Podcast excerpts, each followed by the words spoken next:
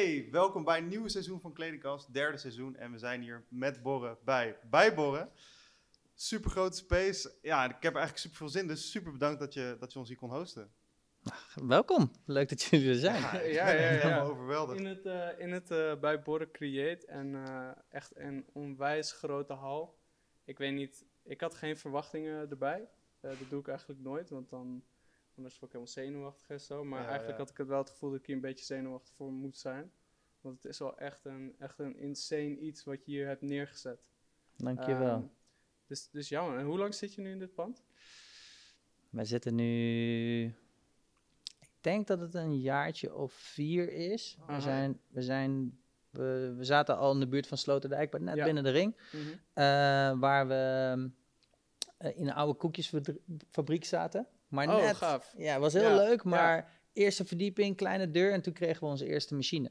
Mm. Ehm, toen, dus er was echt geen optie. En toen eh, waren ze dit pand aan het verbouwen. En de eigenaren die dit pand aan het verbouwen waren, waren ook de eigenaren waarvan we aan het huren waren. Oké. En, eh, en zij zeiden van, we willen het liefst wel ook wat creatiever in, want dat Mm. trekt, ja, maakt een pand meer interessant. Precies. En eh, ja, wat was dan ook de reden voor jou om hier naartoe te gaan, naar de grotere ruimte? Wat moest er gebeuren wat eerst niet kon? Ehm, nou, sowieso gingen we onze eigen machines om, Mhm. om te testen. Eh, we, we hebben natuurlijk een, eh, een textielbedrijf, een textiel innovatiebedrijf. Mhm. Ja. En ja, we hebben een label om te laten zien wat we kunnen doen. Dus eigenlijk als showcase, maar dat is een klein gedeelte van wat we Mhm. doen. En op dat moment kregen we onze eigen eerste eh rondbreimachines. Waar we samenwerken met een van de grote rondbreimachinefabrikanten, Santoni. En toen moesten we dus begaande grond hebben. Mhm. En we moesten een overhead door hebben. Oké. En dit pand werd helemaal gestript. Want dit was echt verschrikkelijk. Want Echt. alles is, ik zie nu ook alles helemaal wit en heel veel glas en zo. Ja, het was, het was tapijttegels, Oh. systeemplafond. Ah. En om de pilaren die nu smal en wit zijn, zaten twee keer zo dikke pilaren heen. Van paar, die paars gekleurd waren. Oh. Met eh, ornamenten alsof ze uit de Griekse tijd kwamen. oh, ook heel mooi, ja. En, ja, en, het was, en je kon niet doorlopen naar achter. Je moest door de wc. Het was, het was, er zat geen glas in, geen licht. Dus het was echt een soort van gekke hal. Dus ik weet nog wel dat ik kwam met die mensen die zeiden van... Ja, maar dit gaat het echt, dit gaat heel tof worden. En ik zei, nou, ik, ben, ik heb echt een heel sterk visueel Mhm. inzicht. Ik kan echt dingen bedenken. Mhm. Ik zeg, maar dit vind ik echt lastig om hier doorheen te kijken. hoofdpijn van eh, om... eh, Nou, maar toen zeiden ze wel van je mag met de architect gaan zitten. En, eh, en, en eigenlijk ging de architect gewoon vragen stellen. Wat Mhm. ga je doen en wat zou je tof vinden? En toen zeiden ze, ah, dat zijn wel vette ideeën. Dus toen hebben ze zelfs wat van onze ideeën genomen om de vloeren dus wit te maken, die wat glanzend waren. Om alle buizen recht te trekken en het plafond te laten zien. Dus om het eigenlijk best wel industrieel te houden. Dus dat werd het witte canvas waar wij toen in mochten gaan. En toen nog een klein gedeelte. We hebben nu, dit is allemaal bijgekomen. Oh, Oké, Dus je bent zeg maar erin gegroeid. zeg maar. Zeker. en, en, en what's happening hier? Nou, we zitten op dit moment zitten we in WOTO, de Window of Text Opportunity. Mhm. Ehm, well, as we speak, twee weken geleden opengemaakt. Ja. Of geopend. Ehm, met een officiële opening. Was ook voor ons de eerste keer om zoiets te doen. Ehm, waar we het, ons hele ecosysteem laten zien. En eh, we maken dus textiel. En het is een hele moeilijke industrie. Mhm. Waar je niet zomaar eh, bij alle ingrediënten kan. Mhm. Eigenlijk, als je net begint, kan je niet bij elke fabriek aankloppen en zeggen: Hoi, ik wil graag met jullie garens werken. Mhm. En ook al zouden ze dat laten doen, is in welke fabriek laat je dan weer, met welke machines ga je werken? En Ja. welke productie en welke finishing? Zo, Er zijn heel veel stappen die heel groot zijn. Mhm. Ehm, en wat wij hier zijn gaan doen, is eigenlijk van al onze kennis. En we hebben echt mensen die al 30 jaar in de industrie werken, maar Mm. zelf ook al gewoon. Ik heb meer dan 15 jaar Ja. ervaring om textiel te ontwikkelen. We hebben al onze partners, laten we hier open zien. Mm. Dus we vertellen te- tegen iedereen wie zijn onze suppliers. Dus wie, wie, wie zijn de garenleveranciers? Wie zijn de machinebouwers? Mhm. Welke fabrieken gebruiken we? En dat is één. En daarnaast hebben we hier een, eh, daarvoor een tool ontwikkeld. Mhm. Een soort van de Photoshop voor textiel. Mhm. Dus dat is bij Borre Create. Ja. En dat is waar je eigenlijk al die ingrediënten samen kan gebruiken. Oké dan, dus dan eigenlijk heb je gewoon één punt wat echt heel erg gaat om transparantie van wat eh, de, de industrie is. En dan het tweede is, je, je nodigt mensen uit om daarmee te werken en te laten zien hoe dat nou werkt en, in, en wat je daarvoor nodig hebt. Exact. Het gaat echt om, om eigenlijk de makers die we allemaal kennen, maar ook de Mhm. makers die we niet kennen. Dus eigenlijk gewoon eh, eh, om die eh, toegang te geven Ja. tot een verantwoordelijke industrie. Mhm. En alle partners hier, die doen mee en die hebben dus ook toegezegd om volledig transparant te zijn. Dus vanaf de fibers, waar ze zijn, hoe we het verschepen, zodat we ook al die informatie mee kunnen geven. En dat komt eigenlijk, naar mijn inzicht, heel, hebben we dat heel erg gedaan, omdat het woord sustainability een soort van, soort van on the rise was. Ja, Waarvoor, en dat iedereen eigenlijk uit het proces gewoon één stapje plukte. Van Mhm. kijk eens, dit doen we vet goed. En dan zetten daar een Mm. spotlight op. een soort van troebelwaterterm is het ook geworden. Ja, nou ja, ik noemde dat altijd spotlight marketing. Oké. en in de rest kan je het een soort van nergens zie je. eh, want als je zegt welke garing je gebruikt en die garen is heel goed. Mhm. Ja, betekent het niet dat alle stappen daarvoor en de shipments en alle stappen daarna Mm, ook goed zijn. Dus wat, wat wij zeiden was, ja, er is maar één mogelijkheid tot echte verbetering. En dat we elkaar echt kunnen helpen. En dat is radicale transparantie. Hell ja. En, en zo willen wij dus ook eh, eigenlijk bewuste makers Mm. creëren. Dus het- voor, voor mij gaat het echt om, om alles wat wij hebben geleerd over te dragen aan de volgende generatie. En ook de generatie die nu is en de generatie voor ons. Om te zeggen, yo, als we dit niet doen, dan kunnen we ook geen wetgeving krijgen die beter hiervoor is. En die mensen ook echt tegen kan houden. En, en begint dat dan echt van het, het hele proces, dus van de stof tot waar het mee gemaakt wordt, tot hoe het gemaakt wordt, dan ook tot de distributie daarvan? Ja, daar zijn we wel transparant over. Ehm, dus de, de partijen die we hier laten eh, zien, zijn ook partijen die bijvoorbeeld verpakkingen maken. Ja, oké. Dus we hebben hier Avery Dennison, wat een van de werelds grootste verpakkingsleveranciers is, die bijna alles voor Nike en Adidas doen. Mhm. Het zijn echt partners die doen mil- miljarden. Ja. Ehm, en, maar de tool die we hebben gecreëerd, dus Mhm. bij Borre Create, is echt tot de te- textielproductie. Dus, Oké. En dan leveren we eigenlijk de textielproductie Mhm. en de rollen daarvan, die leveren we dan bij de klanten af ehm, als, eh, als ze zelf eigen productiekanalen hebben. Gaaf man. Het voelt een beetje als een soort van eh, een hele grote, eh, veel ontwikkelde versie van, wat is het, Nijmegen Textielmuseum? Of nee, waar zit dat? Textiel... Textiellab in Tilburg. Text- in Tilburg Ah, ja. bedoel ik, ja. Textiellab in Tilburg, waar je dan voornamelijk met die kleden bezig gaat en waar die studenten ook worden uitgelegd. Het voelt een beetje een soort van, van grotere variant daarvan. Nou, ik, ben heel, ik ben heel goed met het textiellab. Mhm. Dus, dus, eh, en ik heb daar echt mijn eerste ontwikkelingen kunnen doen. Ja, ja, ja. ja. Dus, dus ik, ben, Je komt ook uit die omgeving, toch? ik kom uit Nijmegen, dus Oh. dat had je goed. Oh, da- Dus daar, daar, ik switched it up. Oké. Ja, maar Tilburg, eh, daar ging ik heen. Eigenlijk, ik heb mijn eerste kansen toen ik op de Design Academy studeerde. Toen had ik al wel heel veel met tactiliteit. Ik, ben ook, ik Mhm. wou wel mode doen, maar ik vond materiaal belangrijker. Mhm, Dus eerst materiaal gaan studeren daar in vorm. mhm. En toen daarna FIT en uitgenodigd in Parsons om mode meer te doen. Oké. Ehm, maar ehm, Tilburg kwam toen eigenlijk wel in het zicht, omdat zij een ontwerper uit Nederland, eh, Maarten Baas, hadden gevraagd. Ja. En die gaf mij les op dat moment. En hij Oh. vond dat ik veel met tactiliteit bezig was. Mhm. Dus hij vroeg eigenlijk, wil jij voor mij deze klus doen onder mijn naam? En daar, dat was, dat was de grote ingang, waardoor ik ineens dagen en weken aan de weefgetouwen kon staan. Dus dat was ook nog weven. Dus later ja, ben ja, ik, ja. heb ik pas die switch gemaakt. Gaaf man. Wat, eh, wat mooi dat zo'n leraar ook zo'n respect voor je heeft dat hij je dan aanneemt.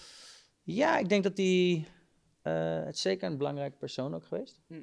Hele, hele, hele lieve en, en, en eh, een hele goede ontwerper. Mhm. Maar voornamelijk heb ik heel erg van hem geleerd om, om open, eerlijk te zijn over wat kan je zelf goed en wat niet. En als iemand iets Mhm. goed kan, vrijheid van expertise. Laat die het doen. Precies. En heeft dat dan ook ervoor gezorgd dat je het door wil geven, zo'n soort motivatie?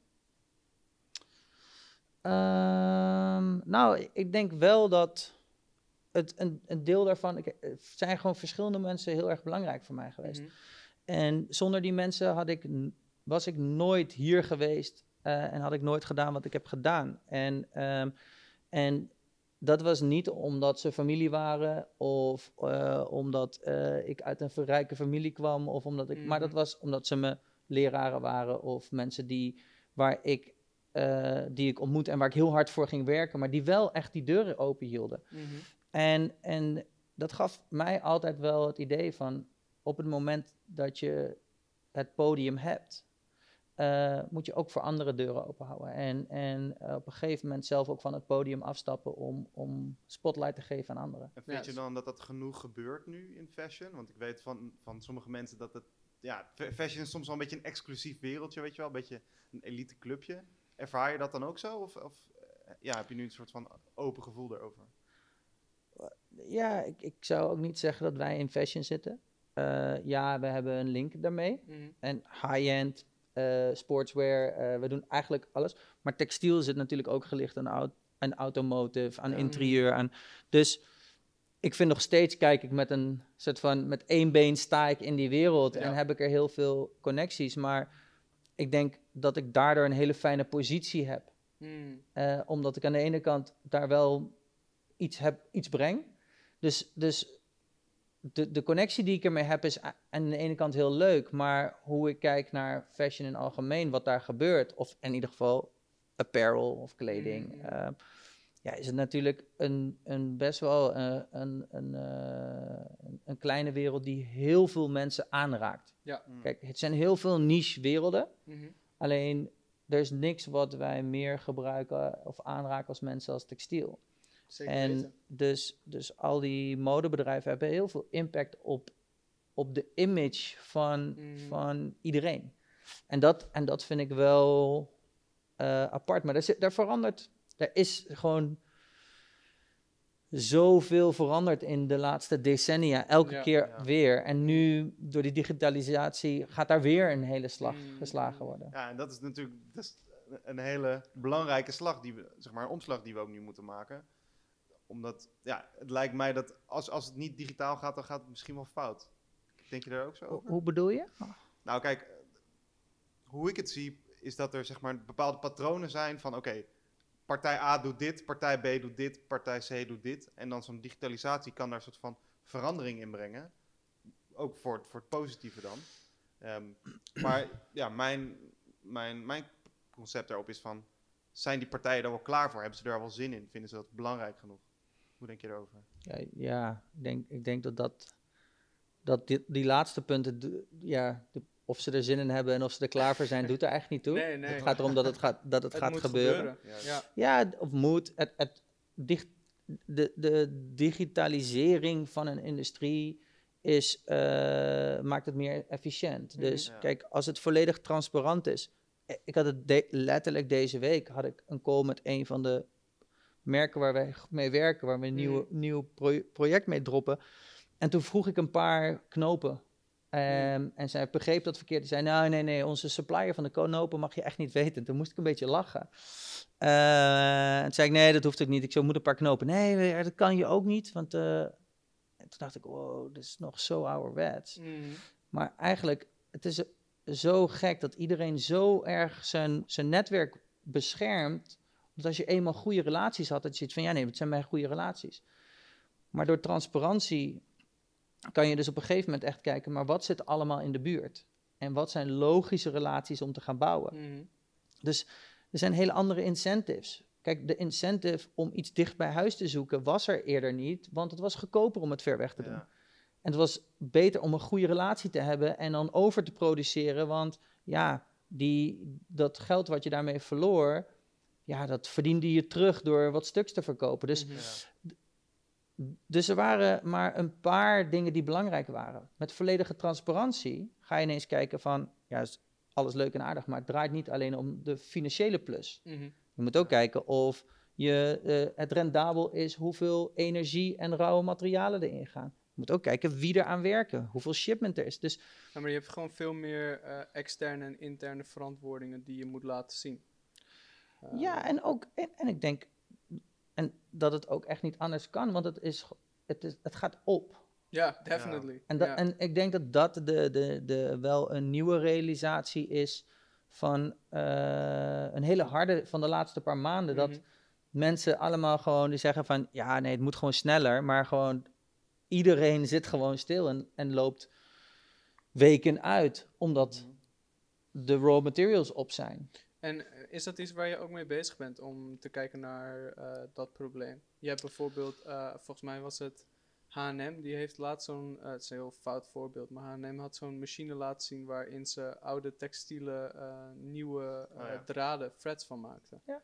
Eh, Ik vind niet per se een fout voorbeeld, hè. Kijk, kijk er is, het is heel makkelijk om, of tenminste om op H&M te wijzen van, jullie hebben dingen stuk gemaakt. mm, Eh, en feit. ja, En ook, maar zelfs als je één stuk uit een kontjeslijn zou pakken, en je zou dat eigenlijk ontleden en alleen maar naar dat stuk zou kijken, mhm, zou, zou het, is het helemaal niet zo'n heel slecht stuk vaak.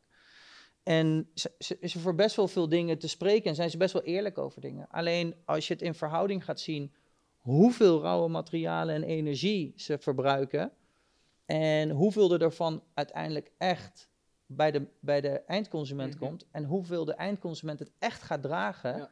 en wat voor een waarde er aan gehecht Mhm. wordt, ja, dat is uit balans. Dus, mhm. dus het een soort van die balans uit elkaar trekken, daar, dat is een heel groot probleem. We hebben we devalued clothing en, en, en, en dat maakt eh, een, een heel groot probleem. Dus ik denk dat daarin ehm, eh, het ene punt is, maar H&M is wel, als je kijkt hoe zij bedrijven, hoe, hoe snel zij kunnen eh, veranderen. Ze hebben wel, toen ze zagen, hé, eigenlijk zijn hogere prijzen wordt best wel goed aangepakt, hebben ze kost ja, gelanceerd. Daarna Arquette gelanceerd, waar ze niet eens Ja. meer zelf gingen produceren. Ik denk als H&M... Wacht, ik zag eergisteren zag ik dat H&M kleding ging huren. dat klopt. En ik heb echt dit echt vaak gezegd. Op het moment dat er een, een van deze partijen kleding als een eh, service gaat zien Mhm, en de meerwaarde gaat zien van als het verhuurd wordt en gedragen wordt, dat is belangrijker. Dan gaat de incentive naar goedkope stuks, wordt eigenlijk, of slecht gemaakt stuk, wordt doorbroken. Want nu is Mhm. de incentive, als het verkocht wordt, dan moeten we zoveel marge maken, Ja. als, als maar kan. Mhm. Dus we knijpen ons hele netwerk uit mhm, en de marge is zo groot mogelijk en dan Yes. kunnen we alles kofferen mhm. zoveel mogelijk stukjes verkopen. Maar als de incentive wordt dat ze er een servicemodel van maken en zeggen: hé, hey, we gaan het verhuren en we krijgen het na een paar keer dragen terug, wil je daarna dat ze het nog een keer kunnen verhuren. Dus dan wordt het dragen, gaan ze op verdienen. Ja. Dus de incentive wordt dan om zo goed mogelijk stuk te maken. Yes. En dan kunnen ze in één klap deze hele industrie omgooien. Maar waarom denk je dan dat ze dat niet doen? Of dat dat, nu, dat het nog niet is gebeurd? Sorry, nu nog niet. Omdat eh, de, de, ehm, de consument daar ook nog niet klaar voor was en Mm. is. Mm. Wij willen alle, wij, Ja, hoe kijk je daarnaar? Is het een soort, eh, eh, hoe zie jij die verantwoording van de consument, maar ook van de, eh, de maker? En de Ehm, productie. nou kijk, de, de maker is de, de, wij zeggen altijd de gatekeeper of doing good. Ja. Zij kunnen, zij kunnen de vragen stellen en ze moeten de beslissingen maken. Dus bij Mhm. alles, ze kunnen, maar waar komt het vandaan? Mhm, Hoeveel moeten we echt maken? Hoe Mm. kunnen we zorgen dat het niet overgeproduceerd wordt? Welk verhaal gaan we vertellen? Nou, dat, de maker moet transparant zijn en het goede verhaal vertellen. En de eindgebruiker opvoeden. Educate the end consumer. Ehm, maar de eindgebruiker, kijk, als je, mijn generatie, als je teruggaan gewoon, die allemaal iTunes hadden in het begin, mhm. wouden alle nummers hebben. De Alles generaties, de, de, gem- ja, echt. Ja, ja, ja. De generaties daarvoor, die wouden alle LP's, CD's en zo, die wouden dat ook hebben. Mhm. We wouden alles hebben, hebben, ownen. Waar nu, niemand heeft zijn muziek. Af en toe, als je een plaat echt heel tof vindt, of je vindt het artwork tof, dan koop je het object. Maar muziek in general is een service geworden. Ja. Maar hetzelfde met auto's, met scooters. Met, maar we hoeven niks meer te ownen. En de, ik denk dat voor de eindgebruiker dat dat stuk naar, als we als basis dat gevoel krijgen dat het kan. En voornamelijk dat dat geaccepteerd wordt door de mensen die niet zo heel veel geld hebben. Want dat is de moeilijkste groep om te overtuigen van hey, je moet of je kan geen Primark kopen of, of Zara. Deze, dan zeggen ze, het is leuk, leuk gezegd, I cannot afford anything else. Dus, en, en dat vind ik ook dat is een fair point. 100 Is superfair, ja. 100 Het enige wat je kan zeggen is, ja oké, maar je kan ook tweedehands kopen. Maar dat is niet, dan pu- push je ze in een hoek. Precies. Dus ik vind dat, dat die toegang, die moet, of die toegang moet er zijn. En ehm, dus ik, ik vind die hele clothing as a service is, is eigenlijk super belangrijk. En Mhm. natuurlijk zullen, kijk, gewoon de rich zullen altijd dingen willen hebben. Maar dat is hetzelfde dat wij niet allemaal een Ferrari kunnen rijden. Zeker niet. Wij allemaal niet. At least ik niet. Laten we het. uh, I don't know. ja. ik, ik kan geen Ferrari rijden. Maar, maar het is een soort van. Maar zo werd er wel gedacht over, over kleding. Zo van. Ja, we, eh, we kunnen niet allemaal de hele tijd nieuwe kleding hadden. En toen zei de HM en zo. Nee, het moet democratisch. Iedereen moet dat kunnen Mhm. doen. Alleen de, vraag was wie betaalt daarvoor. En op dat moment was het de, de, de werknemers in het Verre Oosten of in de lage lonenlanden Mhm. en Mother Nature. Yes, die hebben ervoor betaald. Ja. Dus ik vind dat, dat hele servicemodel, net zoals het. Ik, ik, kijk, ik weet niet genoeg van hoe het allemaal werkt achter Spotify en of iedereen zijn Buma krijgt en hoe dat Mm. werkt.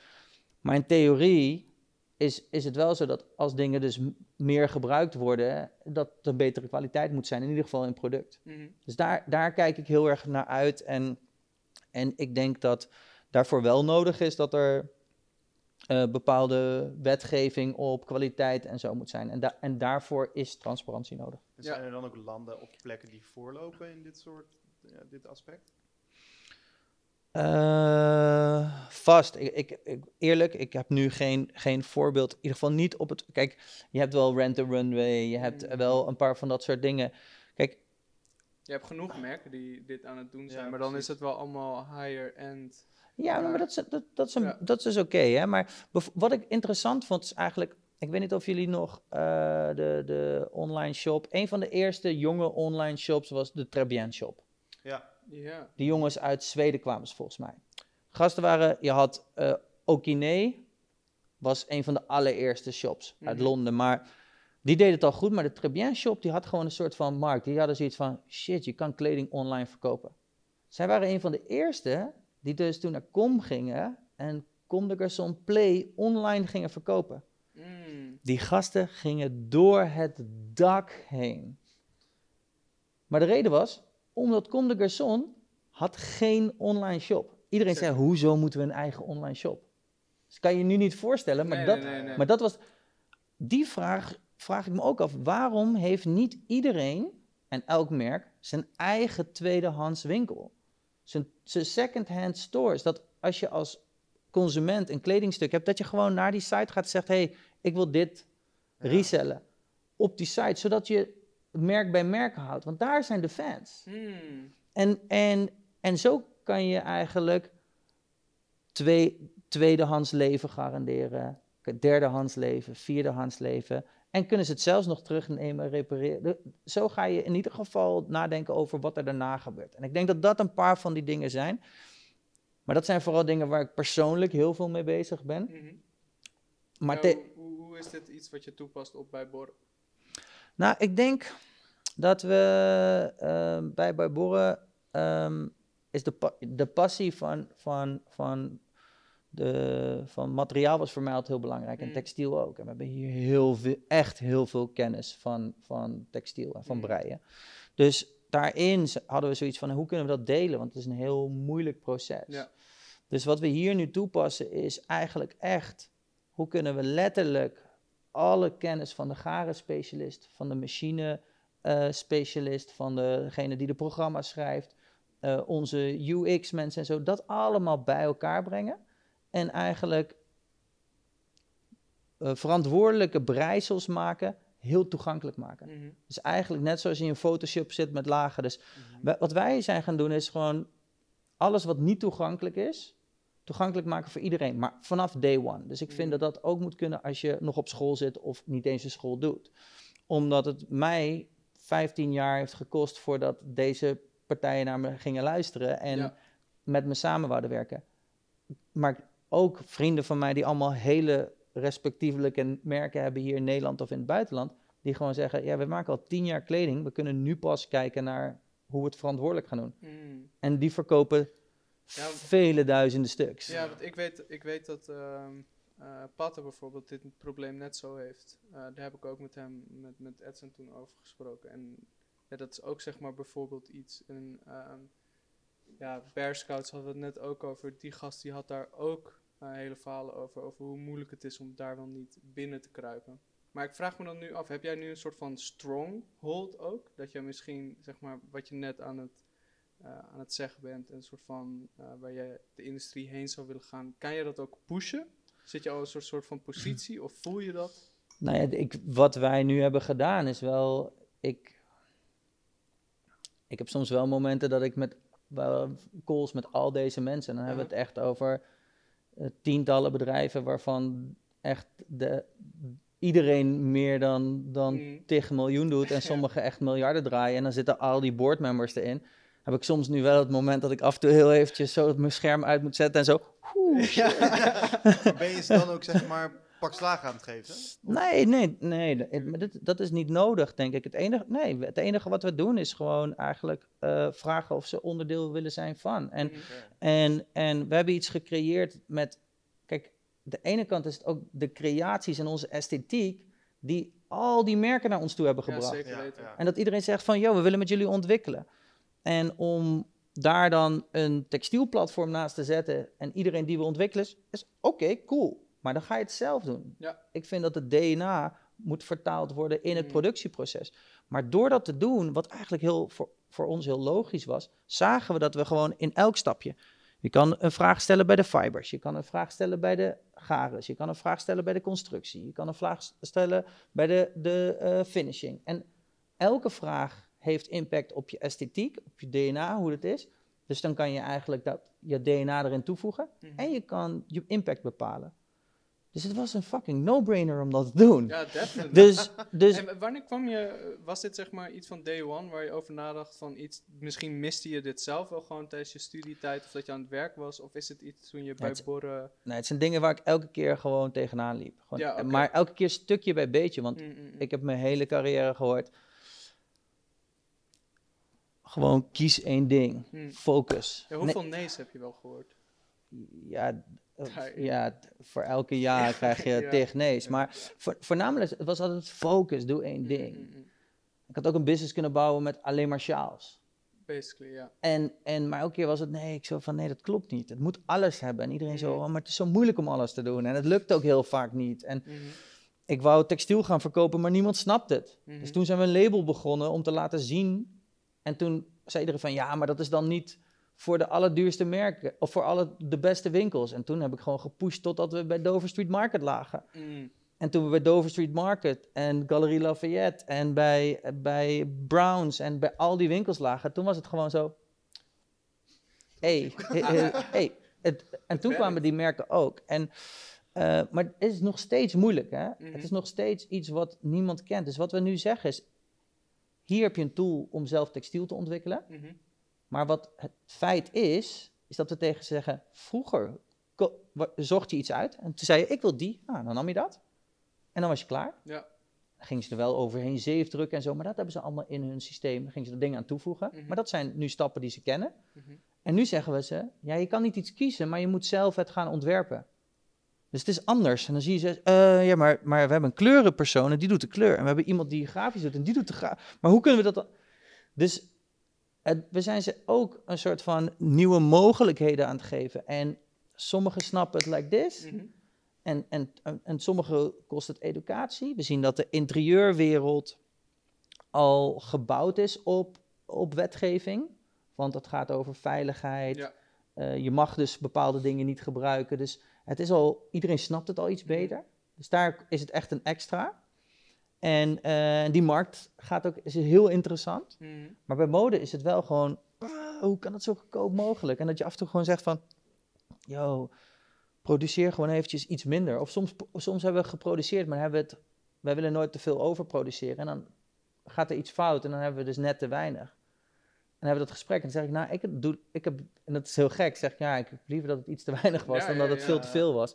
En, maar dat is, het zijn allemaal mindset change, want als je dat bij een hele grote klant doet, Mhm. ja, er staan de claims op en het is allemaal dichtgetimmerd. Mm. Dus, dus het, is, het, het is echt, je trekt wel echt een beerput open. Ja, dat Maar snap heb je dan ook dat je een soort van copy-paste wil doen van de ene industrie naar de andere? Dus bijvoorbeeld dat je bij de meubelindustrie, dat ze iets goeds hebben, dat je denkt, oh wauw, dit ga ik, ga ik doorvoeren in, op een andere plek. Nou, kijk, elke industrie heeft een soort van zijn eigen eh, be- behoeftes en, en de dingen die ze nodig hebben. En, eh, en zeker zijn sommige dingen uit de ene industrie zijn heel interessant, ook voor een andere industrie. Dus ik denk dat, dat de, die vrijheid die je krijgt door alle stappen door te lopen en daar je eigen DNA en kleuren aan toe te voegen, die heel fijn is. En, en je ziet ook dat ze na- allemaal naar elkaar kijken. Gewoon elk bord, of het nou voor, nou vooral voor interieur, voor, voor voor automotive en zo, zou je bijna altijd zit er een sportschoen in. Mm. Zo van, oh, we want that. Omdat het een, natuurlijk in schoenen is er heel veel innovatie geweest in de laatste tien jaar door Flyknit en, en Mhm. PrimeKnit en al dat. Op zo'n stukje. Ja. En daar keken ze allemaal naar, maar dat was wel op zo'n stukje. Dus als je hier, kost, dat kostte minder tijd bij wijze van spreken. En dan zie je zo van, oh, maar hoe kunnen we dat voor een bank doen? En ze van, ja, als je een bank wil maken op die machine, wordt onbetaalbaar. Ja, ja, Dus- ja. Dus daar zijn wel dingen die gewoon, sommige zijn wel logisch, sommige niet logisch. En, en dat is ook, kijk, er is niet één antwoord op wat is het meest sustainable. Er, want dan is het, oké, maar waar ben je? Waarvoor Precies. ga je het maken? Hoeveel ga je er maken? Want als je er heel weinig maakt, ja, dan is één machine, kan je alle echt super sustainable gaan. Maar als je dat op wil schalen, dan is de snelheid gewoon, dan kan je niet veel produceren. En dan kost je dat zoveel geld om die machinetijd te betalen, dat je dat gaat ergens anders moet wegsnijden. Dus dan ga je slechtere materialen gebruiken. Dus Ja. er, er, is, er is altijd, het is, het is altijd afwegen. Tuurlijk. En daarom moet je ook al die stappen opengooien. Mm. En, en heeft het ook al een soort van ehm, impact gemaakt? Of dat je het zelf ziet van, oh oké, ik, ik, ik merk wel echt dat het, dat het werkt. Of dat er waardering uitkomt vanuit merken. Of dat ik studenten op me afvraag van, ja, ik had nooit gedacht dat deze wereld zo gecompliceerd was. Of, wauw, dankjewel dat, dat je het open hebt gezet. Nee, dat merken we sinds dat we wonen. Echt die paar weken. Maar Ja. want toen wij dit gingen doen, deed heel veel voor de Woolmark Company. Mhm. en voor de International Woolmark Prize en zo. Altijd met alle finalisten gaven Mhm. we dan lezingen en hielpen we ze erbij. Eh, ik zat ook vaak in de jury van de performance prizes. Dus, dus die hulp, we wisten wel dat we daar iets interessants deden. Toen we dit gingen openen, zeiden ineens alle scholen van... hey, ehm, kunnen we hier ook onderdeel van zijn? Want wij zien alleen maar dichte deuren bij al deze partijen. Want ja, precies. als student- super logisch ook. ja, want als student, ja, wa- waarom zou een, een iets aan een student geven? Ja, wanneer ga je dat terugzien? Dus, Precies. dus het is niet logisch. Maar toen wij zeiden tegen Naalstar, ja, er zitten ook scholen bij en die kennis is interessant ook weer voor alle merken die komen, Definitely. werd het een soort van triangle. Want al die grote bedrijven zitten hier omdat al die merken hier langskomen. Mhm, mhm. Dus toen, toen, toen zagen we wel ineens dat een soort London College of Fashion, Parsons, FIT New York, eh Amfi. Ehm, allemaal zich meteen aanmelden en inschreven zo van hé, we zijn onderdeel hiervan als kennispartners. Ik, ik vraag me dan af, zeg maar, communicatietechnisch gezien. Dus je, je opent dan de window of textile opportunities. Hoe komt dat nieuws dan naar iedereen, zeg maar? Naar al die scholen, die, ja, hoe, hoe gaat dat? Nou, de- de Woolmark Company is eigenlijk een heel. Het is nog steeds, het is niet helemaal global, dus het is, het is op, op, op wolniveau. Hebben zij een heel goed voorbeeld eigenlijk neergelegd. Zij zijn een overkoepelende organisatie die eh, het, het, het marketinggeld besteden van alle boeren en het, het beste in hebben voor de wolprijs. Ze willen Ik heb hier letterlijk mee samengewerkt ook. ja, maar dat, doen dat ja, doen ze ja. supergoed. Zij snappen dat educatie belangrijk is. Dus in, in die zin, wij werkten heel veel met hun. Dus zij hadden ook zoiets van, oh, wij kunnen het wel delen binnen, Ah, binnen het netwerk. En zelf zagen we dat ook wel, want af en toe gaven we les natuurlijk. En gaven we lezingen. En dus, dus dat, dat, dat verspreidt zich vrij snel. Mhm. Ehm, ik denk wat ik er het meest interessant aan vond toen we eh, dit opengooiden, was eigenlijk dat, ik, dat we zelf ook zagen dat dit er niet was. En dat ik mezelf besefte toen ik hier kwam, dat ik dacht, oh, ik kan me nog heel goed herinneren dat ik de eerste keer bij een machine supplier binnenkwam. En dat ik dacht, ja, maar waar zijn alle samples dan? En dat zeiden, ja, nee, die, die mogen we niet hebben, want dat, die zijn van de klanten.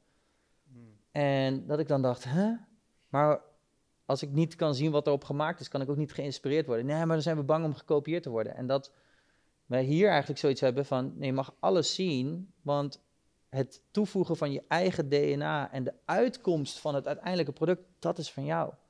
Maar niet alle stappen daarvoor. Dus we zien dat iedereen echt zijn eigen product maakt, maar wel gewoon alles van elkaar kan laten zien. Dus het is wel een... Het, ik vind het wel gaaf, want eh, eigenlijk in de industrie is het heel erg, eh, wat je net ook zegt, het soort van gefixeerd op je eigen gouden ei bewaren.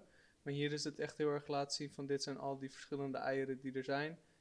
Maak nu je eigen. En dat vind ik wel, wel heel ziek, want ja, wij werken ook met, met mensen samen of dan praten we met mensen en het is heel erg van, het is van mij, weet je wel, daar moet je, moet je niet aan zitten. Ja, maar ik denk dat het heel. Want gesprekken die ik soms met scholen. Ik, Design Academy was ook. zijn een soort van. Oh, daar kwamen er dan topdesigners vanaf. Hmm. En zegt, zegt elke school dat ook weer niet. ja, nou ja, oké, dat- klopt. Eh, maar er zijn van de generaties voor me zijn echt ontwerpers die allemaal een soort van de grote ontwerpers van Nederland op productgebied zijn geworden. Mm, mm, mm. Alleen het was een soort van, er waren er altijd een paar die het maakten, de rest viel af. Dus dat Ja. was de competitie. Maar ik geloof dat we nu in een generatie zitten dat het is niet, het is niet alsof er één wint en de ander verliest. Het is zo, één heeft misschien het winnende idee, maar iedereen werkt daarin mee en dan winnen we met z'n allen. Definitely. En, en ik denk dat daar het grote verschil, verschil zit tussen, we zitten in hetzelfde bootje, we zijn hier te gast. Yes. En, en, en eh, in dat besef hebben een heleboel mensen nog niet. Maar dat is ook eerlijk, nu worden we een business. En, Mhm. en Maar je bent al een business. tuurlijk, maar een grote business. Ja. En gaat het om veel geld en komen er ook eh, investment en Mhm. werk je met veel partijen en zo. Ja, dan kom je ook in een oud systeem. En dat is Mhm. ook een hele interessante dialoog, want die wereld is, is, is, is krachtig. Mm. We spelen echt een soort van hele sterke forces. En, en Ja. dat vind ik interessant wel om zoiets op te zetten, waar je allemaal partijen hebt die daar onderdeel van zijn, die dat allemaal ook meemaken, maar die Mhm. ook allemaal inzien van het moet anders. Dus yes. dan als platform kom je niet zo van, oh we zijn een platform en iedereen mag zich inschrijven en samen delen we ideeën. Want dan is het zo van, ja oké, ik geef, maar wat krijg ik terug? Ja. Maar hier is het echt, oké, we delen samen ideeën, maar als je hier als creator komt en eh, is er ook echt iets te halen voor je. Mhm. En is er ook echt iets om het beter te doen? Het is niet zo van jullie doen het verkeerd. Nee, het is een soort van hier is wij denken dat dit verkeerd is, maar hier is een alternatief. En het is helemaal open. Als je een stap beter kan, raise your hand, join. En, en, en die dialoog is interessant. We zien nu al samenwerkingen tussen, tussen de grotere partijen, waar wij al helemaal tussenuit gestapt zijn. Superman. Ja, dat, dat is natuurlijk de droom ook. Dat, je, dat, het niet alleen jij is die hiermee verder gaat, maar dat het ook gewoon zijn eigen natuurlijke flow krijgt. En dat het gewoon doordruppelt. Kijk, ik kan. Maakt niet uit hoe goed de editions zouden doen, Mhm. ons label. Het is relatief, gewoon zou het nooit groot worden. Mm. Gewoon, ik, ik wil niet de strijd aan met al mijn vrienden die hier merken maken. I don't care. Ik heb liever dat wij ze helpen met betere producties maken Oh ja. en daar im- impact maken. Wauw. Sick, Ja, Ja, maar dat, want anders is ik kan wel mezelf op mijn borst kloppen, zo van, oh, kijk eens hoe goed we textiel maken. En, want we hadden bijvoorbeeld de, al die, die, die impact goals van, hey, iedereen moet 25% gerecycled. Ik zei, joh, ons eerste jaar deden we volgens mij 60 en eh, dat was een standaard. Gewoon dat, dus per product, en, maar we praten er over een heleboel van dat soort dingen niet eens. Omdat ik gewoon zoiets heb van, ja, maar dat is een fucking no-brainer. Ik hoef, er Ja. niet, ik hoef me niet de spotlight Ja, maar op te dat is heel zetten. nice, want dat is inderdaad gewoon een hele goede mindset moeten, die, je, die je gewoon moet hebben, in, in, in mijn mening. Dat ehm, ja, het sustainable gedeelte of het recycled, dat is iets wat vaststaat. Dat is niet een, een, een pride of een extraatje. Dat is gewoon een gegeven die je, Ja. zeker nu, die je gewoon moet hebben als merk. Ho- 100%. Alleen de, de reality is wel dat iedereen hier binnenkomt en zegt: "Ehm, Is het ook sustainable? Dat ik af en toe wel denk, dan kijk ik naar om me heen en denk ik: fuck, misschien moeten we toch echt wel iets beter uitleggen dat het gewoon, dat, we, dat, dat logisch is. Ja, heb je serieus mensen die... eh, Iedereen. echt waar? Die binnen, ehm, ja, maar eh, we, we zoeken wel eh, sustainable iets. En dan denk ik, eigenlijk wil ik, het liefst wil ik dan zeggen, wil ik dan heel veel vragen stellen, maar je wil, Ja, tuurlijk. je wil ook gewoon netjes Ja. blijven van, natuurlijk. ik snap. Gewoon, maar, kijk, het- alles moet je een keer leren. Dus Tuurlijk. Respectvol, ik wil nooit tegen iemand zeggen, yo, weet je dat niet? Want ik, ik ben, in zoveel dingen ben ik fucking dom, weet ik ook niet. Mm, Alles moet je een keer leren. Dus definitely. Daarvoor zijn we hier ook. Maar het is wel een soort van eh, een beetje inlezen eh, helpt als je ergens heen gaat. Dat, helpt, Ehm, dat helpt zeker, ja. Maar het is ook een, een soort van ja, ik, ik snap dat je dat wil, maar, maar wat wil je eraan doen? Want Mm. in eerste instantie, ja, we willen het meest sustainable product maken. Ja, maak dan niks. Ja, precies. Wow. Ja, maar dat is dat echt. is, dat is Dat waar, is, ja, want dat ja. is de elephant in the room, is dat bij Mm. iedereen. Hè? Het is Ja. wel een soort van, oh ja, we kunnen hier allemaal goede shit maken. Maar de eerste vraag is, Je maakt het. moet je echt iets maken? Ja, ja, ja. Ja, we hadden laatst eh, op Instagram doen we dan zeg maar zo'n open vraag, weet je wel. Dat mensen, mensen ons, ons dingen kunnen vragen. was vlak voor het event en er was iemand die had gevraagd. ehm, heb je advies voor, voor beginnende merken?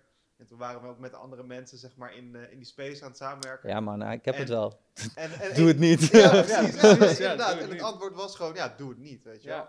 En, en het is ook misschien te makkelijk om iets te maken, weet je wel. De soort van, ja, de, de, de druk, je drukt zo ergens iets op een shirt en dan heb je er honderd en dan met een muisklik gewoon, weet je wel. En Elke bekende persoon. Zie je, daar zou je er eentje hebben. Eh, nee. Ehm, el- bekend persoon heeft gewoon zijn eigen merk. ja, iedereen heeft merch. En, Iedereen. en, en sterker nog, het zijn nog de best verkopende merken Ja, ook. ja, ja, ja. Kijk naar Travis Scott, nu niet meer, maar daarvoor was Ja, het. ja, ja, ja. Ehm, maar ik, ik denk eerlijk dat de vraag is gewoon: eh, wat voor, hoeveel kleding hebben we nodig? En, Ja. en, ook, en, en ook in wat voor eh, degrees hebben we het nodig? Dus ik denk dat, dat, dat daar wel voorbeelden in zijn. En ook dat daarin dus bepaalde wetgeving, van Mhm. hoe, dat je echt inzichtelijk kijkt hoe vaak iets gedragen wordt. Dat je op een gegeven moment wel krijgt van, nou, als, net zoals single-use plastic. Ja, Dat is, daar is gewoon wetgeving overheen gegaan. ja, ja. We hebben olie nodig, dat moet geproduceerd worden. Waarvoor doen we het? Oké, het wordt één keer gebruikt. Zijn we het daarmee eens? Nee? Nee. Oké, laten we het verbieden. Ja. Nou, we hebben energie nodig, we hebben grondstoffen nodig, we gaan kleding maken. Er komt maar 40% van komt echt op de markt. Daar wordt het gemiddeld drie keer gedragen. Zijn we het daarmee eens? Nee? Nou, laten we dat eventjes dan wat vragen. Ja. Dus eh, alleen dan moet het wel transparant zijn. Ja. En, en hoe is dan je kijk op, ehm, want als we het dan over dingen maken hebben, je hebt ook natuurlijk rework en dat is iets, en upcyclen wat nu echt helemaal ehm, hard gaat. Dat is denk ik nu wel het hotte Ik thema heb van, uh, upcycled dingen. ja precies, dat is gewoon een beetje het thema van, van fashion op dit Ja, maar moment. dat is, dit is gewoon. De, de- eh, voor, voor mij is dat. eh, Kijk, de, de term is, een, is, is de marketing. Mhm. Eh, het doen is gewoon grondstof gebruiken. Waar het Mhm. vandaan komt. Hey, good for you if, als je het niet. Als het twee keer gebruikt is. Dus Mhm. ik denk dat dat gewoon normaal moet zijn. En. ehm, Maar is dat iets waar jij ook over nadenkt als, eh, als merk zijnde om te gaan eh, werken met al gebruikte stoffen? of met, met, met oude materialen? Nou ja, ik, dat is een hele goede vraag. Want wij werken hier natuurlijk met alle ingrediënten om, Mhm. om nieuwe stof te Precies. maken. Eh, en daarin, wat ik eigenlijk daarin wil doen, is een- eigenlijk de diversiteit van de soorten materialen Mhm. eh, groter maken. En dat iedereen op hetzelfde podium speelt. En wat bedoel je daar precies mee als Nou, diversiteit? Ehm, als je nu kijkt, zijn er gewoon een paar materialen die het meest worden gebruikt. Polyester is door het dak heen gegaan. Dat Mhm. wordt het meest gebruikt, want dat is het meest toegankelijk en Ja. schaalbaar. Ja. Wol zijn maar zoveel schapen die het kunnen doen, dus daar Mhm. zit een max op. Ja. Dus, maar het mooie is dat die wel op hetzelfde podium moeten staan. Ja. En eigenlijk wat, waar ik naartoe wil, is dat eigenlijk je als maker naar één plek toe kan gaan en zeggen: Ik woon daar, ik wil dit maken, wat is de beste vezel daarvoor? Het kan best wel zijn dat in Europa, waar vlas heel goed groeit, dat vlas een goede vezel is. Wat in Europa tot garen wordt gemaakt, in Europa tot stof en in Europa tot garment. En in Europa op de markt wordt gebracht. En maar zeggen, oh ja, maar we willen het ook exporteren. Goed, maar dan zit daar accijns op. Binnen Europa niet. Dus het krijgt voordelen om het te doen. Maar in de States, dat ze zeggen, ja, hennep groeit hier heel goed. Laten we hetzelfde ding met hennep doen. En in, in eh, Egypte, nou, katoen groeit hier heel goed.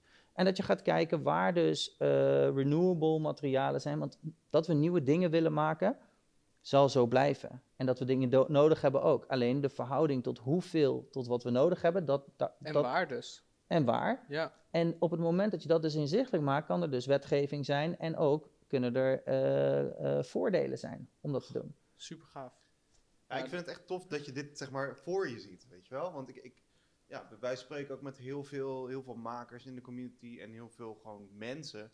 En ik denk dat als, als we met z'n allen zo'n soort kennis en, en, en motivatie kunnen hebben, dat we echt heel ver kunnen komen. Dus ik wil je ook echt, echt ja, bedanken eigenlijk dat je dit Ja. met ons deelt. En ook met, met iedereen die kijkt en die, iedereen die luistert. Want ik denk, ja, hoe meer mensen we hierover bewust kunnen maken, hoe beter het gaat. En we moeten echt ja, die verandering zijn met z'n allen. Ja, en zeker deze plek, man. Ja, Het is- het ik ook- denk... ook Nee, een maar dat is- super inspirerende ja, plek om te zijn. Dat Ja. is precies natuurlijk waar zo'n plek voor is. En, en dat ik ook, ik vind ook dat, dat in die zin ook jonge makers. Want ik wil niet mensen ontmoedigen om iets te maken. Nee. Want, nee, nee, nee. ehm, want er gaan een paar mensen tussen zitten die het verschil gaan maken. 100%. Daarom. En ehm, het enige wat zou ik wel zeggen over als je iets zelf wil maken, ga alsjeblieft leren bij iemand eerst. En, en maak daar heel veel fouten. En, dan, Ja. En als je dan nog steeds wil, go for it. Als je een beter idee hebt, go for it. Eh, want, en, en, want je hebt gewoon wel de energie als je jong bent nodig om, om natuurlijk dat te doen. Dus als Ja. je heel lang bij andere plekken gaat werken, zou het lastiger zijn. Maar dat ter zake, ik vind dat dat, dat wel ook een beetje ons doel was. Om in ieder geval, als je iets nieuws wil maken, om dat op een veel betere manier te doen. En om dat eh, ook op een plek te creëren waar nieuwe materialen en waar circulariteit en zo ook Mhm. een, naast de grote spelers komt te staan. En dat het dus ook gebruikt kan worden, zelfs als het maar een kleine hoeveelheid is. Ehm, maar dat betekent niet dat er daarnaast dat we moeten kijken hoe gaan we om met wat er al is. Recyclen. Ik ben voor om de troep op te ruimen, terwijl we andermans troep opruimen. Ja. Ik ben alleen niet voor dat we het stimuleren dat dat de oplossing is. Want dan moeten we troep blijven maken Precies, ja, ja, Dus het, is, het is totaal, voor de time being, ja. En hetzelfde met, met hergebruik en zo. Doe het. Dat is juist heel tof. Ik denk dat het keihard is. Als je naar, naar, naar Japan gaat, waar, wij, waar ik heel veel heen ga.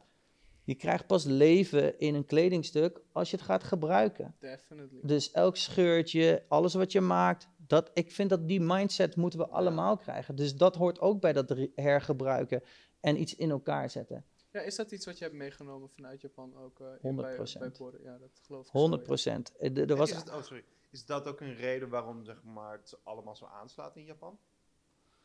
Ehm, nou, ik denk dat er een paar dingen zijn. K- kwaliteit. Ja, ja. Eh, als je een kledingstuk binnenste buiten trekt, is hij net zo mooi of Ja, mooier ja, dan ja, als je hem gewoon hebt. Ehm, de materiaal eh, standaard, eh, de, de handfeel, ehm, de, de textiel die we helemaal hebben gemaakt. De craftsmanship wat daarin gaat, dat is echt insane. Ja, we hebben echt. Ik heb echt een paar van de aller, aller, allerbeste ontwerpers en, Mm. en technische mensen en, en patroonmakers en eh, waar we mee samenwerken en hier in, in het team zitten. En, en dat maakt het gewoon natuurlijk heel speciaal. En Japan is gewoon open voor. Kijk, er is heel weinig space daar. Mhm.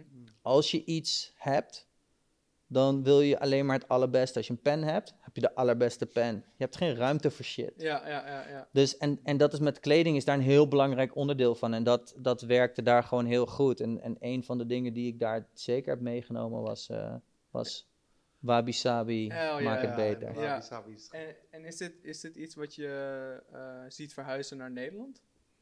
Ik, wel, ik, ik denk dat het niet anders kan. Want we moeten gewoon meer Denk respect hebben Nederland voor daar, daar klaar voor Of wanneer denk je dat Nederland daar klaar voor is? Nou, ik denk deels. Ik denk dus deels dat daar wetgeving voor moet komen. Oké. En ik denk deels dat dat eh, de, de, de merken zijn die, die de communities dragen, die op een gegeven moment dus ook denken van, die, kijk, we, we zijn daar deels klaar voor, hè? Mhm. Gewoon het kijken naar, naar wat, hoe we in de afgelopen ehm, paar jaar, hoe we naar eh, sociale ongelijkheid hebben gekeken. Het is ook, je ziet het ook al aan scholen zelf, want bijna elke designschool of kunstschool Ja. of school in het Dat algemeen, die is al helemaal maar. gefocust op het sustainability. Ja, als ik voor Amfi praat, dat is volgens mij jaar 1, 2 en 3, 4. Dit is gewoon al, al, alles krijg je daar, consistent krijg je dat over je oren. Wat heel chill is, en ik ben er heel blij mee. Uh, maar toch zie ik, ik woon ehm, in de buurt van de Primarkt en ik zie elke dag vet veel. Echt zoveel Primarkt. Het is Vandaag zagen we twee zo groot gewoon. consistent. En ik zie er ook heel veel Nederlanders bij. En dan heb ik toch wel het gevoel van, oké, weet je wel, ik, is dat gewoon mijn bubbel? Is maar dat- dit zijn allemaal Nederlanders. We zitten in Nederland. Dit- dat maakt het verschil niet. Mm. Het, is gewoon, het gaat erom wat je inkomen is. Maar eh, ik heb een tijdje lang, eh, eh, toen de Primark hier net kwam, toen, eh, toen was ik in Eindhoven of als ik in de buurt van de Primark was, dan filmde ik iedereen die eruit liep. En dan deed ik zo'n, want je kon toen emoticons die dan zo iemand volgde, toch? Dus dan legde ik bij iedereen een drol op zo. en eh, dat was ik de hele tijd aan het posten. Ehm, wat, wat, eh, wat- ja, ik vond het fucking grappig. En ik, zat, er- het is echt, ik dacht, het is echt shit dit. En toen kreeg, maar toen kreeg ik wel gewoon van, van mijn team ook en mensen van, hey Borre, eh, mensen, echt veel mensen kijken ook op jouw Instagram, hè? Ja. Ik weet dat je gewoon, dat je, you don't give a shit, maar dit is wel echt, je bent best wel direct en lomp. Ik zei, oké. Dus toen ben ik daar even ietsjes netter mee omgegaan. Ja. Maar ik, ik, ik kan het ook, wat we eerder hadden over die kosten, ik kan het mensen ook niet kwalijk nemen. Mm. Die, je, je kan het niet allemaal weten. Ja. Je moet alles voor het eerst leren. Ik denk op het moment dat er echt transparantie is, en we hebben hier bijvoorbeeld textielpaspoorten aanhangen, als dat een, een, een gangbaar iets wordt, Mhm. dat je gewoon weet van, hé, hey, hier komt het vandaan. En je ziet ineens dat elk gewoon gemiddeld kledingstuk heeft drie continenten gehad. Hè? En, en als iedereen dat snapt en, en hoeveel energie en reizen en dat ze zo zien hoeveel impact het is, als dat elke keer in je gezicht is en dan zeggen van, oh, maar kan het ook beter? Kijk, als iemand een Primark stuk koopt en het echt heel veel draagt, good for you. Precies. Maar gebeurt dat ook? 100% gebeurt dat. Alleen het ding is, de, de waarde is alleen maar voor mensen die dus ook nog geen geld hebben. Ja. En dat verschil is, is te Mm, groot. Maar dan heb je aan de andere kant ook nog mensen die voor het volume kopen, weet je wel. Ik denk dat er ook, ook genoeg, ja, weer dat hebben waar we het over hadden. Ik denk dat er heel veel mensen zijn die willen gewoon een hele grote hal doen om zoveel mogelijk te hebben en dan zeg maar te baden in dat gevoel van, oh, ik heb nieuwe dingen, weet Ja. je wel. En ik denk dat dat ook een soort van motivatie is waar we misschien wel van af moeten. Want ik denk dat wij, En educatie. Het is, de, het is de educatie wat je zei van zijn we klaar voor dat Japan? Ja, ik denk voor, voor, voor die wabi sabi, of, of wij zeggen altijd, ik heb maar wei- weinig dat ik teksten of dingen gebruik, maar patience gebruik ik heel vaak. Oké. En, en het geduld wat we krijgen en het eigen maken. En ik stel bijna altijd de vraag aan jonge eh, ontwerpers of studenten, zeg gewoon van, maar wat is je lievelingsstuk? Mm. Schrijf je lievelingskleding uit en schrijf op waarom. Wij moesten dit ook doen. De, wij hebben onze hele kast hebben we moeten Ja, eh, categoriseren. Ja, Dus, weet het en wat, wanneer je hem had gekocht, hoe vaak je het per jaar draagt, eh, waar je het hebt gekocht. Ik vond het heel leuk. Ik vond het heel interessant. Maar ook omdat ik gewoon heel veel bezig ben met mijn kleding in het algemeen en waar ik het vandaan haal. Ehm, eh, hoe lang zijn wij bezig eigenlijk? Dat ja, we wel, zitten, eh, zitten er tegenaan. We kunnen nog, nog vijf minuutjes, Oké. tien minuutjes Want ongeveer, ik, ik, dan, ik was eh, benieuwd, heb je ook voorbeeldbedrijven voor jezelf? Waar je naar kijkt en denkt van, ja, dit, dit, dit soort dingen, dat vind ik echt gaaf en daar haal ik mijn inspiratie uit. Dus, Nee, op, zeker met, op, met ver- heel, ja, er zijn heel veel mensen die hele toffe dingen doen. Mhm. Eh, en maar heel ik- veel, ik bedoel echt als zeg maar, kijk, voor mij dan als- voorbeeld, Vrijtak, dat is zeg maar een, een merk waar ik naar kijk en denk van, ja, dat zijn echte, echte changers. Weet je wel, daar kijk ik dan naar en denk van, ja, oké, dit, dit vind ja. ik gaaf, daar kijk, daar kijk ik echt naar op. En hoe zij dat ook, hoe hun hun structuur in elkaar hebben gezet. En ik weet niet hoe bekend je bent met, met Vrijtak. vrij bekend. Ja, ja oké, nou gelukkig. Ehm, en wat zij, hoe die hele productie in elkaar steekt en hoe zij te werk gaan, ook al is het met shipping en eh, met de assembly lines en hoe ze met water omgaan en hoe ze eh, hun winkels inrichten en hoe, hoe efficiënt en eh, flexibel dat allemaal moet gaan. Ik vind dat echt super inspirerend als bedrijf. En dan kijk ik bijvoorbeeld naar bij Borden, dan zie ik een Create Program, Ordevoto en denk van, ah ja, kijk, dat is ook weer echt iets super zieks wat aan de hand is. Heb jij dat ook voor jezelf? Ja, zeker. Ik denk op verschillende, op verschillende vlakken. Want Hoeft niet alleen mode te zijn. nee, nee, daar, da- daarom. Ik denk dat er een paar dingen zijn. Kijk, ik, ik, kijk best wel veel naar heel ander soort bedrijven. Dus Mhm. bijvoorbeeld service-gedreven bedrijven. Oh, ja. Dus dat je eigenlijk gewoon eh, ehm, veel meer kijkt naar hey, hoe kunnen we, eh, maar bijvoorbeeld voedsel waste. Ik kijk heel veel naar de Mm. voedselindustrie. Oké. Ehm, ik, ik, wat ik heel erg waardeer zijn topchefs die bezig zijn met hoe, hoe, ehm, hoe ze smaak kunnen veranderen door de ingrediënten anders aan te pakken. Mhm. Eh, dus bijvoorbeeld dat soort dingen vind ik eh, heel intrigerend en, Mm. en heel inspirerend, omdat ik dat een systeem wil bouwen dat eigenlijk dat toegankelijk wordt voor andere mensen in, in mijn wereld. Mhm. Ehm, maar ook voedseldistributie is, is ook zoiets wat, wat echt insane is. En dat we kijken, Ja. hey, hoe kunnen we dat meer lokaal maken? Mhm. Ehm, dus dat zijn plekken gewoon waar ik, wat ik intrigerend vind. Ja, oké. Ehm, in ehm materiaaltechnisch vind ik eh, nou, het heel tof als, als dingen eh, renewable zijn. Dus Mhm. ik, ben eigenlijk heel erg aan het kijken naar hoe, wat voor een, eh, materialen, dus bijvoorbeeld het mycelium, hoe paddenstoelen groeien, hoe ze Mm. daar eh, verpakkingsmateriaal van het Ja. maken zijn. Dat soort dingen vind ik echt super intrigerend om naar te kijken. Ja, je hebt best wel veel in Nederland ook die daar echt eh, super ver mee zijn. Nou ja, hier heb je die gasten die daar dus mee bezig zijn. In Groningen, ja, ik weet even niet meer hoe die gast heet, maar die werkt heel veel met kokosnoten en ook met paddenstoelen. Eh, doet ook echt onwijs gave dingen daarmee. Maar volgens mij ook heel veel sandalen en kaften voor boeken ook. Ja, op, vooral, er, er zijn veel van die onderzoeksprojecten, maar op, op het gebied van verpakkingen Mhm. wordt het ook op hele grote schaal gebruikt. Dat Mm. vind ik wel, dat, dat, dat vind ik tof. En voor de rest zijn er sommige dingen die ik gewoon echt heel, kijk, ik hou wel echt van hele mooie producten. Mm. En ik vind het dus heel leuk. eh, ik heb Design Academy gedaan, dus ik zie Mhm. wel dat er dus een heleboel van, van, van ontwerpers die dus ook materiaal gebruiken. Gewoon, en dat is een van de bekendste voorbeelden in Nederland. Als je het gewoon even een, makkelijk voorbeeld wat behapbaar is. Een Piet uit Eek, hoe die daar zijn eigen Ja. wereld van heeft gemaakt. Ja, Maar ook altijd zo zijn mindset en alles wat hij doet, wil hij gewoon goed doen. En ook wil Mm. hij er zijn. Hij is ook een platform voor heel veel jeugd. Ja, Eh, ja, er zijn ja. heel veel jonge ontwerpers die worden voor het eerst bij hem laten zien. gaaf plek. Ja, En ik, echt onwijs gaaf. Ja, dat is echt super tof wat ze daar aan het doen zijn.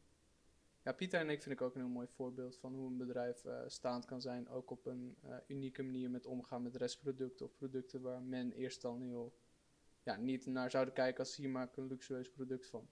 Nee, en, de- en hij heeft hele luxe producten, maar hij, heeft, hij is daar ook voor de buurt. Ja. Dus het is heel leuk om te zien dat hij gewoon nu dat hotel heeft gebouwd en dat iedereen in de buurt daar werkt en dat hij gewoon open dagen heeft voor de buurt. En ik denk dat dat, kijk, het, ik ben natuurlijk wel met iets bezig wat echt op globale schaal, Mm. eh, waar, waar, waar- wat gewoon echt heel groots is.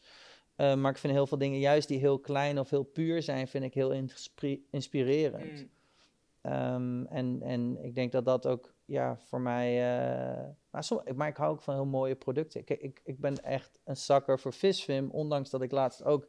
Dat je dan zo weet dat ze hun stuks, als ze niet verkocht worden, ook vernietigen. ja, en dat ja. ik daar gewoon letterlijk. dat ik echt kapot ga van binnen. dat snap ik. Ehm, maar hoe ze product maken en iets wat heel herkenbaar is, dan wel op de allerbeste manier. Of een soort van. En, en zo zijn er veel voorbeelden, of, of dat nou meer handgemaakt of een capital of, of een, Mm, ja. veel Japanse dingen over. Is dat, is dat iets dan wat je, eh, als je wil samenwerken met iemand, zou dat je ook moreel stoppen? Ehm, nou, ik zou wel heel goed, niet, niet per se, want ik wil met iedereen samenwerken Tuurlijk, om het ja. beter te doen. Eh, maar ik zou wel eh, heel duidelijk willen zeggen van, maar hoeveel dingen gaan we echt maken? Wat is echt je doorverkoop? En laten we gewoon dan ook kijken dat we de, dus dan produceer ik liever minder. Ja, oké. oké. dan, dan, dan is dat wel de vraag van wat kunnen jullie echt uitverkopen. En als de, als de drang is om het uit te verkopen en het ook dat moet zijn, laten we dan er ook naar kijken dat we dan ook echt niet meer dan dat maken. Nou, Oké, gaat. Dus is dat een soort van eis die je wel altijd gewoon stelt? Ik weet niet of ik het ijs kan noemen. Ja, ik denk dat je, dat je die dialoog gewoon aangaat. Ja. Kijk, je kan, je kan niet bij iedereen in zijn business kijken. Helemaal niet de eerste keer. Natuurlijk niet. Dus je, je gaat ook, ik ga ook van het goede uit. Dus je probeert het ook gewoon te doen. En we Mhm. proberen het ook zo goed mogelijk te doen. Dus, en, en sommige dingen, dus, ja, maak ook, ook hele gekke projecten voor, voor partijen waarvan nog helemaal niet weten wat, hoe groot hun Mhm. industrie is. Dus we, ik kom wel echt dingen tegen waar ik nooit van mijn lang zelfs leven had gedacht dat ik daarmee ehm, in aanraking was, die keihard vindt. Hè? Dus, Zoals? Ehm, nou, ik vond. ehm, wat ik heel hard vind is dat in één keer een van de, de, de leading jaagmerken, wat heel functioneel is, die allemaal Gore-Tex gebruiken en Mhm. zo, ehm, die bij ons kwamen en die dus mega fan van ons waren. Oh. En dat ze zeiden van ja, we willen een speciale camouflage ontwikkelen. En, maar het moet ook in het bos kunnen en zo. En, en een van onze, of mijn, mijn zakenpartner, die, eh, die, die is ook boswachter. Dus ik weet ook wel die ande, de, andere? Wow. ja, de andere kant daarvan. Sick. Kijk, jagen heeft een heel slecht imago, maar ik, ik, er heeft ook wel een... Jagen ook- is heel goed. Eh, dat, mensen vergeten dat, maar jagen is een heel goed Ja, iets. Wat mensen, Het is, het is heel makkelijk een stempel op te drukken, toch? En ik ja, je, dat je doodt iets. Ja, precies. Nou ja, het is, meeste jagen en nou, als boswachter, boswachter weet je dat 100%, maar ja, ik, kom, ik ben boer als afkomst en ik weet heel goed dat jagen voor natuurbehoud zorgt. Ja, 100%. Eh, en jagen is echt een heel, heel ziek iets wat eh, underrated is. Eh Ja, nou jagen. Shout-out naar jagen. Ja, 100%. nee! Ja, ik zeg je eerlijk, Bang, bang! fuck even zo, jongen. Wauw. Oh, ziek. Ja, heb jij, heb jij nog iets, iets toe te voegen aan Ja, dit je gesprek? nog- Want nog iets mij... wat, eh, wat, wat, wat je wilt delen eigenlijk, wat nog niet gedeeld is. Heb je nog wijze woorden? Nee, man, sowieso niet. Ehm nou ja, nee, ik, ik denk wel wat ik. Het, het, eh, wat ik wel heb gemerkt en zo, dat het een soort van. ehm, dat die vrijheid van expertise, dus ook. Zo heel, ik doe heel veel, dus wij doen heel veel toffe dingen, maar het komt ook wel echt door een, eh, een, een super tof team. Het is altijd ook als je iets ziet, er zit zoveel achter. hmm, En, en er zijn zoveel mensen die hier komen zo, ja, maar wist je dan meteen waar jij heen wou? Ik zei, nou, het is niet waar ik heen wou. Het is iets wat groeit en alles verandert de hele tijd. De wereld verandert, dus ook wees open dat dingen niet zo zijn als je het misschien had verwacht. En ik denk dat dat ook een, een eh, dat we best wel iets meer eh, begrip voor elkaar kunnen hebben als, het, als dingen ook fout gaan. En als dingen dus ehm, ehm, net anders zijn dan we misschien hadden verwacht en zo. En ik denk dat daarin vooral in zaken doen. Dat ik dat, ik hoop dat we dat in de. Het is heel moeilijk, hè, want ze willen alles vastslaan en zo. Maar het is wel dat dat. eh, daar, ik, hoop, ik hoop gewoon dat dat iets chiller kan en iets, iets liever. ik hoop het ook. Ja, ik hoop het ook, daar sta ik Breng de achter. menselijkheid terug. Ja, meestelijk. Nou, Boren, dankjewel. Jullie bedankt voor het bedankt. komen. Ja, super. Jullie bedankt voor het kijken. Jullie sowieso bedankt. Iedereen bedankt. Ini bedankt. Ini bedankt. Ini. Ja, hey, thanks voor het luisteren. Dit was de eerste aflevering van Kledingkast seizoen 3. ja, stay tuned voor meer. We gaan meer droppen. We hebben Nummer meer 1. in de planningboard. Nogmaals bedankt dat we hier mo- mochten zijn. Ja, ben gewoon sprakeloos. Dankjewel. Later. Joe.